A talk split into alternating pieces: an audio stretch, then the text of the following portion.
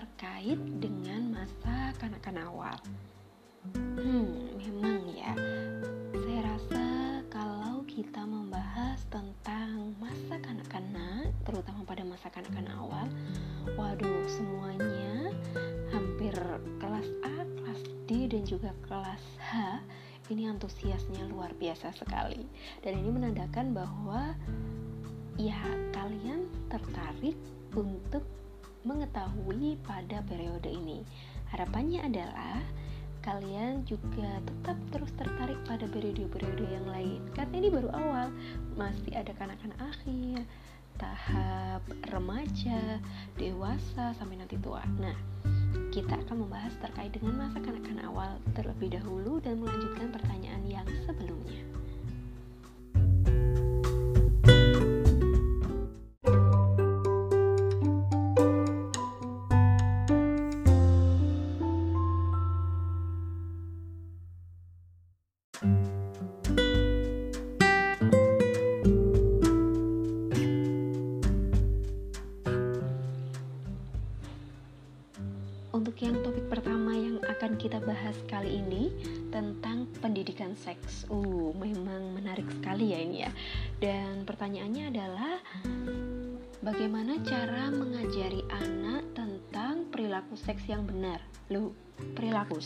gimana ini maksudnya? Hmm, mungkin maksud kalian mengedukasi seperti itu ya. Cara mengedukasi terkait pendidikan seks untuk masa kanak-kanak awal. Ingat, topik kita masih di tahap masa kanak-kanak awal. Untuk masa kanak-kanak akhir, bagaimana, nanti pendidikan seksnya, e, remaja bagaimana, dewasa bagaimana, nanti kita akan sampaikan di setiap topik. Nah, sekarang karena kita sedang membahas masa kanak-kanak awal, saya akan membahas yang terkait dengan masa kanak-kanak awal. Saya sependapat dengan apa yang disampaikan oleh kelompok bahwa orang tua atau guru atau lingkungan sekitar yang harus dilakukan pertama kali adalah mengenalkan bagian-bagian tubuh yang dia punyai. Semuanya tanpa terkecuali. Dan memang harus ditekankan bahwa anggota tubuh ini diberikan oleh Allah dan alhamdulillah semuanya berfungsi dengan baik begitu ya. Fungsinya apa? Misalnya mata untuk melihat, tangan untuk e, beraktivitas makan, minum begitu, kaki untuk berjalan dan lain sebagainya sampai dengan e, alat kelamin. Mungkin juga ada yang bertanya kenapa sih Bu kok penting banget ada pendidikan seks dan harus sejak dini. Kenapa? Kalau saya merasa bahwa semakin sekarang begitu itu banyak sekali kasus-kasus uh, yang marak tentang seksualitas dan salah satu korbannya adalah anak usia dini bisa macam-macam begitu ya karena memang pedofilia uh, karena ada banyak berbagai hal dan kita tidak bisa menjustifikasi hanya dari segi pelakunya saja. Tapi mungkin kejadian itu terjadi karena memang ada kesempatan dan korban tidak diberikan edukasi yang mumpuni. Ketika anak-anak kita diberikan edukasi yang sudah cukup baik begitu, maka insya Allah ini sebagai usaha ikhtiar kita untuk membentengi uh, adanya perilaku-perilaku atau kejahatan-kejahatan seksual di luar sana. Jadi saya rasa penting sekali begitu. Menariknya nih teman-teman, jadi ada salah satu penelitian uh, menurut Catherine Davis, jadi dia menyatakan bahwa perempuan yang telah menerima pendidikan seks pada usia dini, dia 57% menikah dengan bahagia. Uh. Nah, ini sangat penting ya. Pendidikan seks berperan positif dalam membangun mahligai kehidupan keluarga yang lebih baik ternyata. Jadi, uh, tidak ada salahnya ketika kita memulai untuk memberikan pendidikan seksual kepada anak usia dini, tentunya dalam koridor yang memang sesuai dengan kebutuhan dia. Seperti yang sudah disampaikan oleh kelompok, bahwa yang pertama kenalkan dulu aja anggota tubuhnya apa yang dia miliki dan dia berbeda dengan orang lain. Misalnya jenis kelamin anak saya itu perempuan, sepupunya laki-laki. Maka saya akan bilang bahwa kamu beda dengan mas kakak kamu. Kenapa? Mas itu laki-laki dan kamu itu perempuan. Minimal itu aja selebihnya mungkin sambil berjalan kita bisa edukasi lagi misalkan adik bajunya itu dilepas harus di kamar mandi kenapa harus di kamar mandi sampaikan dengan bahasa yang mudah dimengerti oleh anak aduh bu pasti nanti akan tanya lagi Kenapa sih harus di kamar mandi? Kenapa nggak di luar aja? Kenapa nggak di kamar aja? Kenapa nggak di dapur aja? Kenapa? Kenapa? Kenapa? Kenapa? Kenapa? Seperti yang sudah saya bilang sebelumnya, ya memang usia mereka adalah usia yang banyak tanya. Ketika mereka tidak banyak tanya, harusnya kita yang bertanya-tanya. Loh, ini adikku kok nggak pernah tanya apa-apa sih? Kok anakku nggak pernah tanya apa-apa? Kenapa ya? Apa dia nggak penasaran?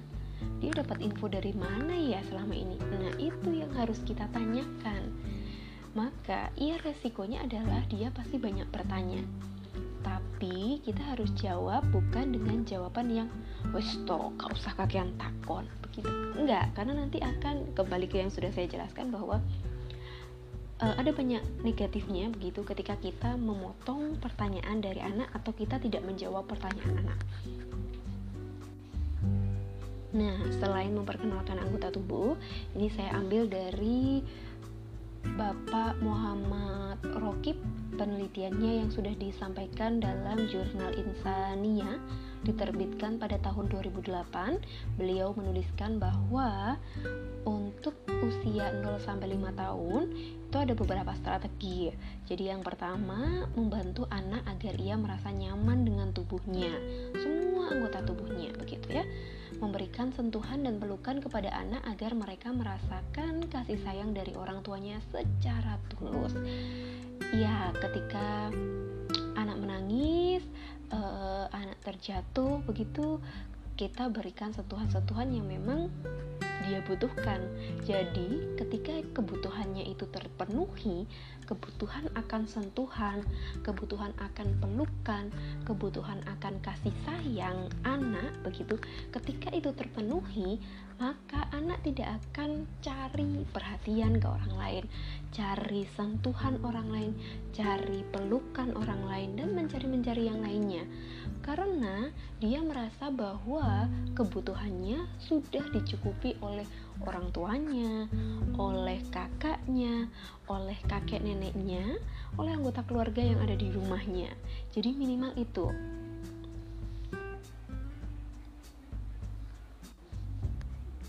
Selain itu, mengajarkan anak untuk mengetahui perbedaan anatomi tubuh laki-laki dan perempuan, seperti yang sudah saya sampaikan tadi.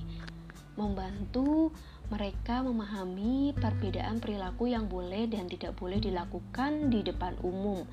Ya, seperti tadi, misalnya mandi harus pakai bajunya di kamar mandi, e, melepas bajunya harus di kamar mandi. Tentu ini tidak mudah, bukan perkara satu dua hari selesai, tidak.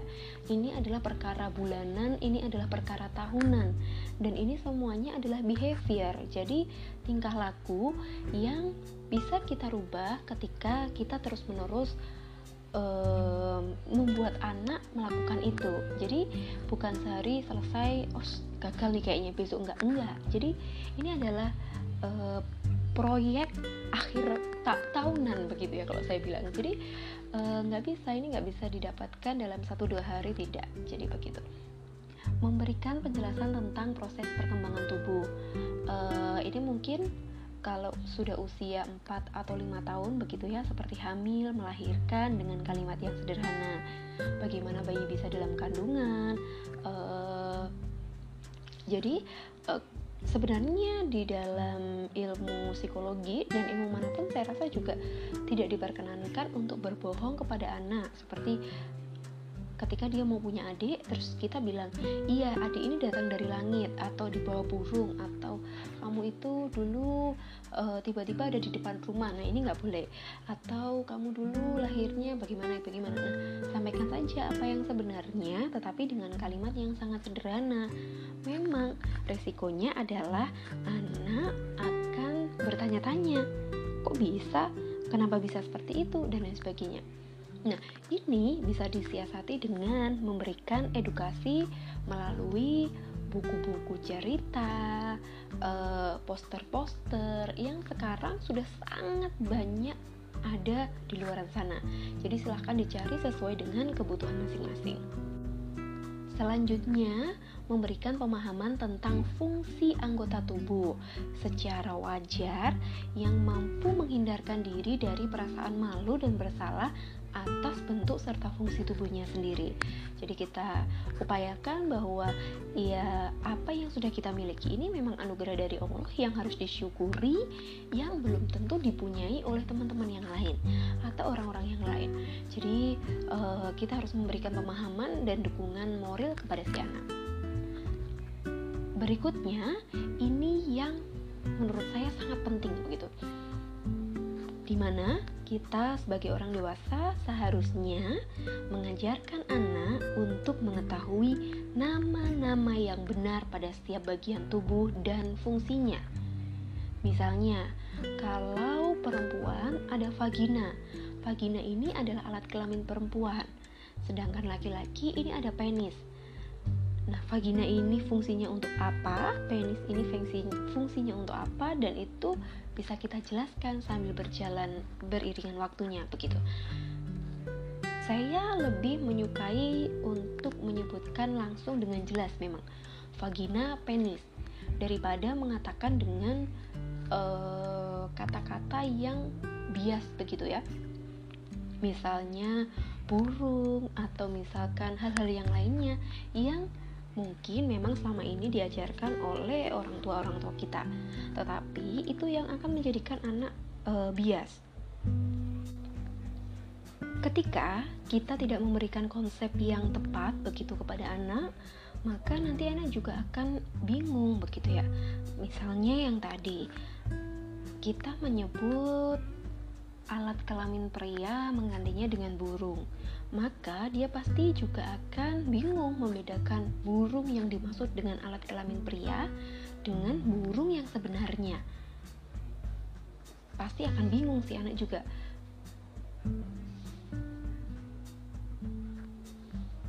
Selain itu, kita juga seharusnya memberi dukungan dan suasana yang kondusif agar anak mau berkonsultasi kepada orang tua untuk setiap pertanyaan tentang seks. Jadi, kembali lagi ini nggak bisa datang dengan tiba-tiba. Kita harus memberikan stimulus terus menerus. Kita harus mengkomunikasikan terus menerus. Mungkin salah satu uh, salah satu caranya dengan ngomong dengan si anak bahwa adik kalau ada apa-apa adik cerita ya ke ayah ke ibu misalnya begitu. Dan kita bisa memulainya dengan apa yang kita rasakan kita ceritakan ke dia. Hari ini ibu capek banget. Ibu soalnya bla bla bla bla bla bla begitu ibu Aryani seneng banget. Soalnya kita ceritain. Jadi dari situ kita, uh, eh, si anak akan menangkap bahwa oh jadi yang dikatakan ibu bercerita itu seperti ini. Sehingga dia akan mengulang seperti yang sudah saya katakan bahwa children see, children do. Jadi apa yang dia lihat, dia akan kerjakan. Dan yang terakhir yang tidak kalah penting adalah membiasakan dengan pakaian yang sesuai dengan jenis kelaminnya dalam kehidupan sehari-hari dan juga saat melaksanakan ibadah seperti sholat. Nah, ini akan mempermudah anak untuk memahami dan menghormati anggota tubuhnya ya dia perempuan. Harusnya perempuan kayak gimana sih? Kenapa perempuan itu harus menutup aurat auratnya sampai mana? Kenapa harus pakai mukena? Kenapa harus pakai kerudung? Kenapa kalau laki-laki nggak harus pakai kerudung? Dan lain sebagainya. Nah ini harus diajarkan kepada anak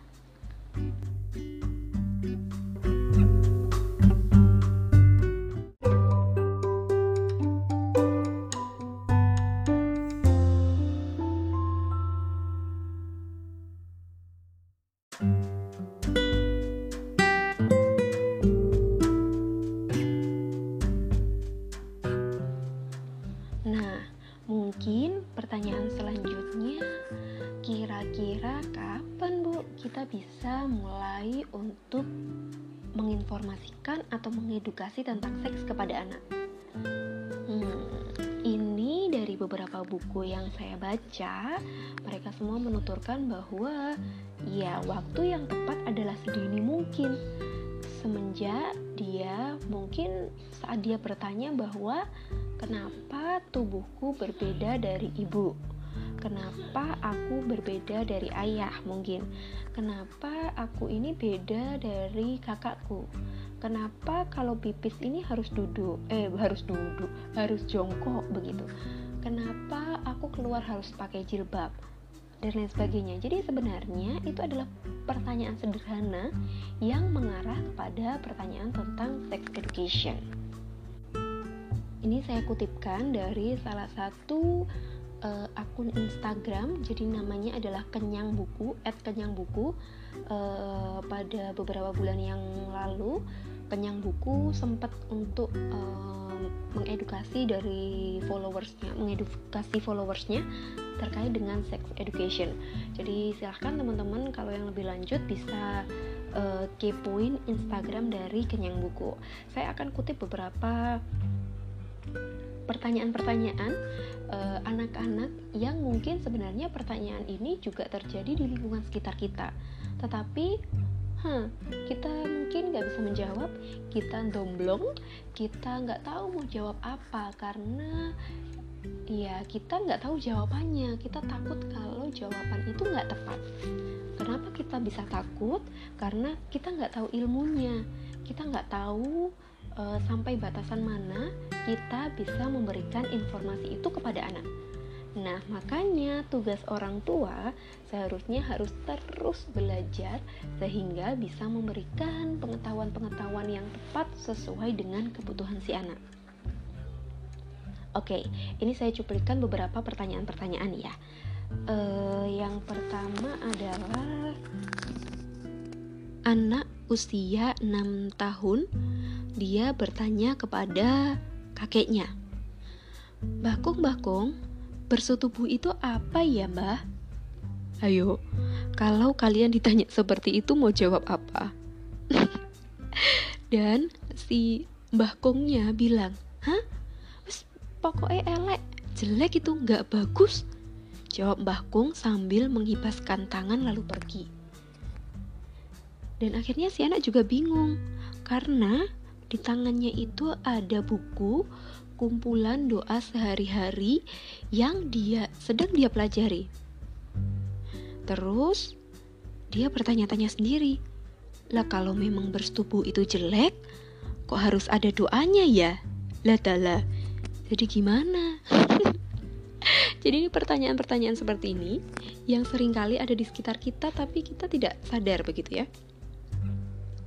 Ada anak usia 4 tahun juga yang bertanya,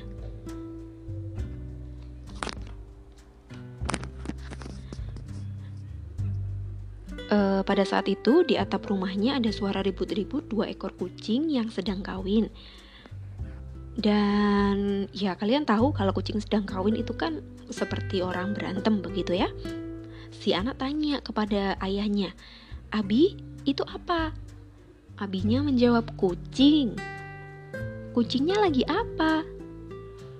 Lagi menikah. Menikah? Menikah kok berantem, Bi? Bukannya menikah itu senang-senang, makan-makan, nyanyi-nyanyi, kok berantem? Lah, ini yang dikatakan bahwa informasinya kurang tepat. Ada lagi anak usia tiga setengah tahun yang menanyakan tentang kelahirannya. Jadi dia tanya, Umi, dulu kan adik keluar lewat sini nunjuk bekas operasi sesar begitu. Kalau aku lewat mana, Mi? Si Uminya menjawab, kamu lewat vagina sayang. Hah? Kok bisa? Gak mau ah. Terus kita harus gimana? ya sudah pada saat itu dibiarkan saja kalau dia seperti itu cuman kalau ada yang bertanya-tanya ya kita kewajibannya adalah memberikan jawaban begitu ada lagi yang tanya ibu aku nanti nikah sama siapa ya Ya ibunya menjawab, ibu belum tahu, insya Allah sama laki-laki yang baik kayak ayah. Aku mau nikah sama ayah aja. Gak boleh, ayah itu suaminya ibu. Si anak menjawab, gak mau, aku mau nikah sama ayah. Mulai deh mewek. Gak boleh deh, ayah itu mahrumnya adik. Gak mau. Lah. gimana lagi? Kita masih berusaha untuk memberikan pendidikan seks pada dia. Meskipun awalnya memang sangat susah ya. Ada aja pertanyaannya ada aja. Sepertinya tuh apa yang kita jawab memang tidak pernah uh, memuaskan dia begitu. Tapi tidak apa-apa kalau memang kita tidak bisa menjawabnya uh, ya kita bilang kalau kita belum bisa menjawab uh, dan kita bilang juga kalau Oke, kita akan cari bersama-sama di buku ya, misalnya begitu. Atau kita akan cari Ibu tanya Google dulu ya. Ibu baca buku dulu ya. Nanti kalau Ibu udah tahu jawabannya, Ibu akan kasih tahu ke kamu gitu misalnya. Atau ya kalau kita sudah tahu ya kita harus segera menjawabnya. Karena kalau tidak segera dijawab ya pasti nantinya dia akan mengalami pertanyaan-pertanyaan dan kita nggak tahu uh, dia akan bertanya ke siapa dan apakah tepat atau tidak jawabannya. Ada pertanyaan yang lain juga. Uh, kalau ditanya tentang hubungan intim, jawabnya gimana? Gimana, yuk? saya sendiri juga masih belum kepikiran ini anak saya nantinya akan bertanya apa dan saya harus jawab gimana ya. Kalau mungkin sebagian besar orang tua eh, orang-orang tua zaman dulu pasti akan mengkat memotong pertanyaan dari anak udahlah kamu nggak perlu tanya itu nanti kamu akan tahu-tahu sendiri. Tahu dari mana masalahnya? Itu kan yang akan uh, harusnya kita cegah cegah pencegahannya adalah dengan memberikan informasi edukasi yang memang sesuai dengan dia ya kita jawab aja kalau berhubungan intim itu sentuhan fisik antara suami istri yang harus dilakukan di tempat tertutup. Nggak boleh ada orang yang melihat, seperti mencium bibir dan menyentuh aurat. Nah, ini kan jelas begitu ya. Karena kalau kita tahu mungkin ayah, ibu atau pasangan suami istri sedang jalan di mall sambil gandengan tangan atau salim atau yang lain begitu, ya itu nggak termasuk berhubungan intim. Karena itu tadi kita harus memberikan spesifikasi yang jelas kepada dia. Bila masih khawatir anak bakal jadi penasaran pengen nyoba, kita bisa tambahin, masukin nilai-nilai agama begitu ya, tentang aturan-aturan yang dibuat Allah mengenai pernikahan. Contohnya, mungkin kita bisa uh, bilang seperti ini. Allah mengizinkan hubungan biologis hanya boleh dilakukan oleh pasangan yang sudah menikah.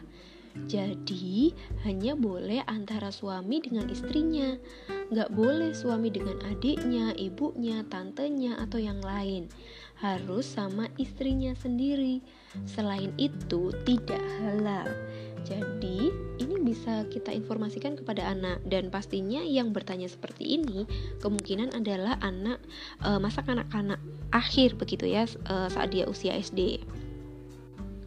Waduh Bu, jangan-jangan tanya lagi anak, kenapa harus nikah dulu? Waduh, pusing ibunya.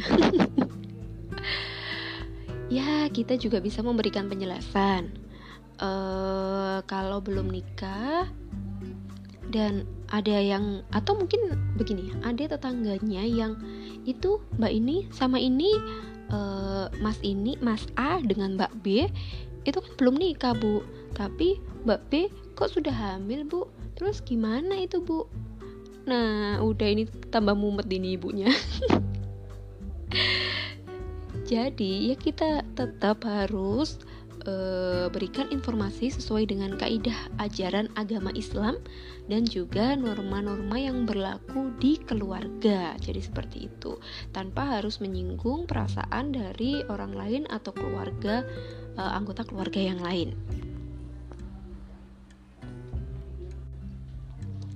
Nah, sebenarnya kalau kita berkat ber uh, ngobrol tentang sex education atau pendidikan seks pada anak, begitu mungkin kita yang pertama kali dikhawatirkan adalah kapan untuk uh, memulai begitu ya. Ya seperti yang sudah saya jelaskan, ketika anak bertanya dan pertanyaannya memang tidak melulu seputar alat kelamin begitu, uh, vagina atau penis, tetapi mungkin ketika anak sudah bertanya, "Kenapa kalau mandi pintu harus ditutup? Kenapa aku disuruh keluar tiap ayah mau ganti celana misalnya, tapi ibu enggak? Kenapa aku disuruh keluar setiap ibu ganti baju, tapi aku tapi ayah enggak?" begitu ya. Kenapa laki-laki dilarang pakai rok? Kenapa uh, aku ini berbeda begitu ya? Kenapa ibu marah kalau aku nggak mau pakai celana? Uh, dan lain sebagainya yang itu sebenarnya mengarah ke pendidikan seksual.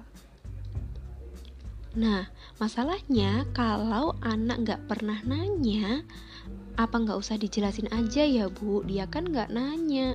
Terus mulainya gimana?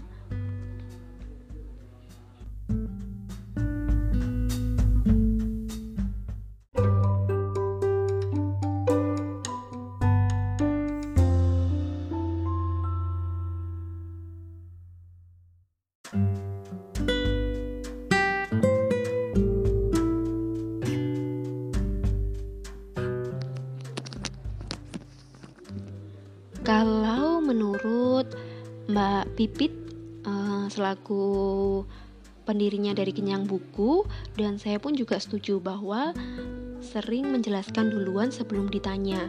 Jadi pada saat dia usia 1-2 tahun begitu ya, diajarin aja nama anggota tubuh seperti yang sudah saya sampaikan tadi ya, beserta dengan uh, fungsi-fungsinya.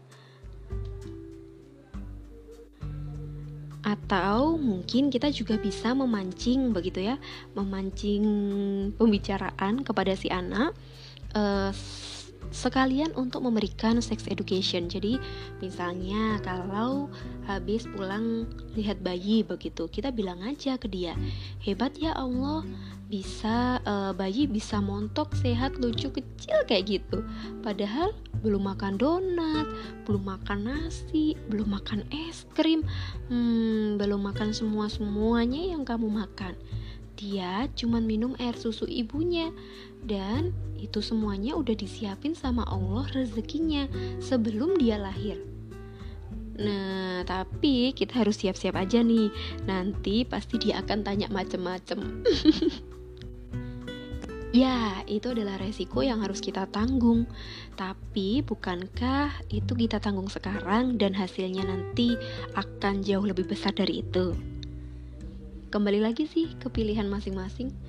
Lalu mungkin dari sebagian kita masih risih boleh begitu ya, boleh pakai nama lain untuk menyebut alat kelamin atau enggak begitu. Nah, ee, begini, risih itu mungkin karena mindset kita yang masih menganggap segala hal tentang seksual itu adalah tabu.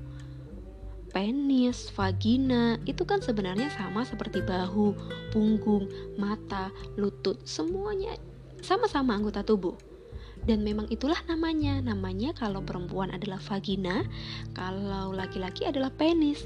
Kalau menyebut penis dan vagina dianggap kasar nggak mungkin di buku pelajaran di biologi di sekolah-sekolahan begitu ya itu akan dijelaskan dan disebutkan dengan jelas. Nah, pada intinya pertanyaan dari anak-anak begitu ya. Itu sebenarnya kalau dikaji ulang begitu gampang dan sederhana. Kita juga hanya perlu menjawab dengan simple jujur berlandaskan ilmu pengetahuan. Jangan lupa, yang penting adalah fokus, nggak perlu melebar ke mana-mana. Misalkan nih, ada anak yang bertanya tentang menikah itu apa. Menikah itu apa? Itu kan berarti dia bertanya terkait dengan definisi pernikahan menurut kita sebagai orang tuanya. Jawab saja, mungkin menikah itu mengesahkan hubungan seorang laki-laki dengan seorang perempuan sebagai pasangan suami istri. Ingat, harus simple, jujur, jelas ya dan fokus. Jelasnya adalah ya jelas harus laki-laki dan perempuan. Tidak boleh laki-laki dan laki-laki atau perempuan dan perempuan.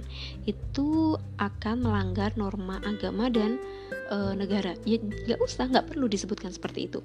Jelaskan saja bahwa menikah itu mengesahkan hubungan seorang laki-laki dengan perempuan sebagai pasangan suami istri.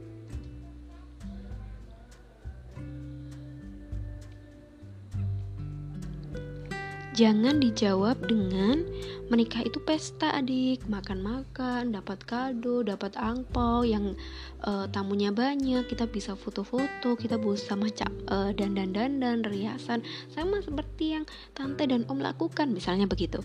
Bukan, itu bukan menikah ya. Itu adalah resepsi atau tasyakuran pernikahan. Jadi, kita harus menjawab dengan benar dan harus dibedakan biar anak tidak salah tangkap. Waduh, kalau ngomongin tentang sex education memang rasanya banyak pertanyaan dari kalian dan banyak pertanyaan juga dari anak-anak kecil.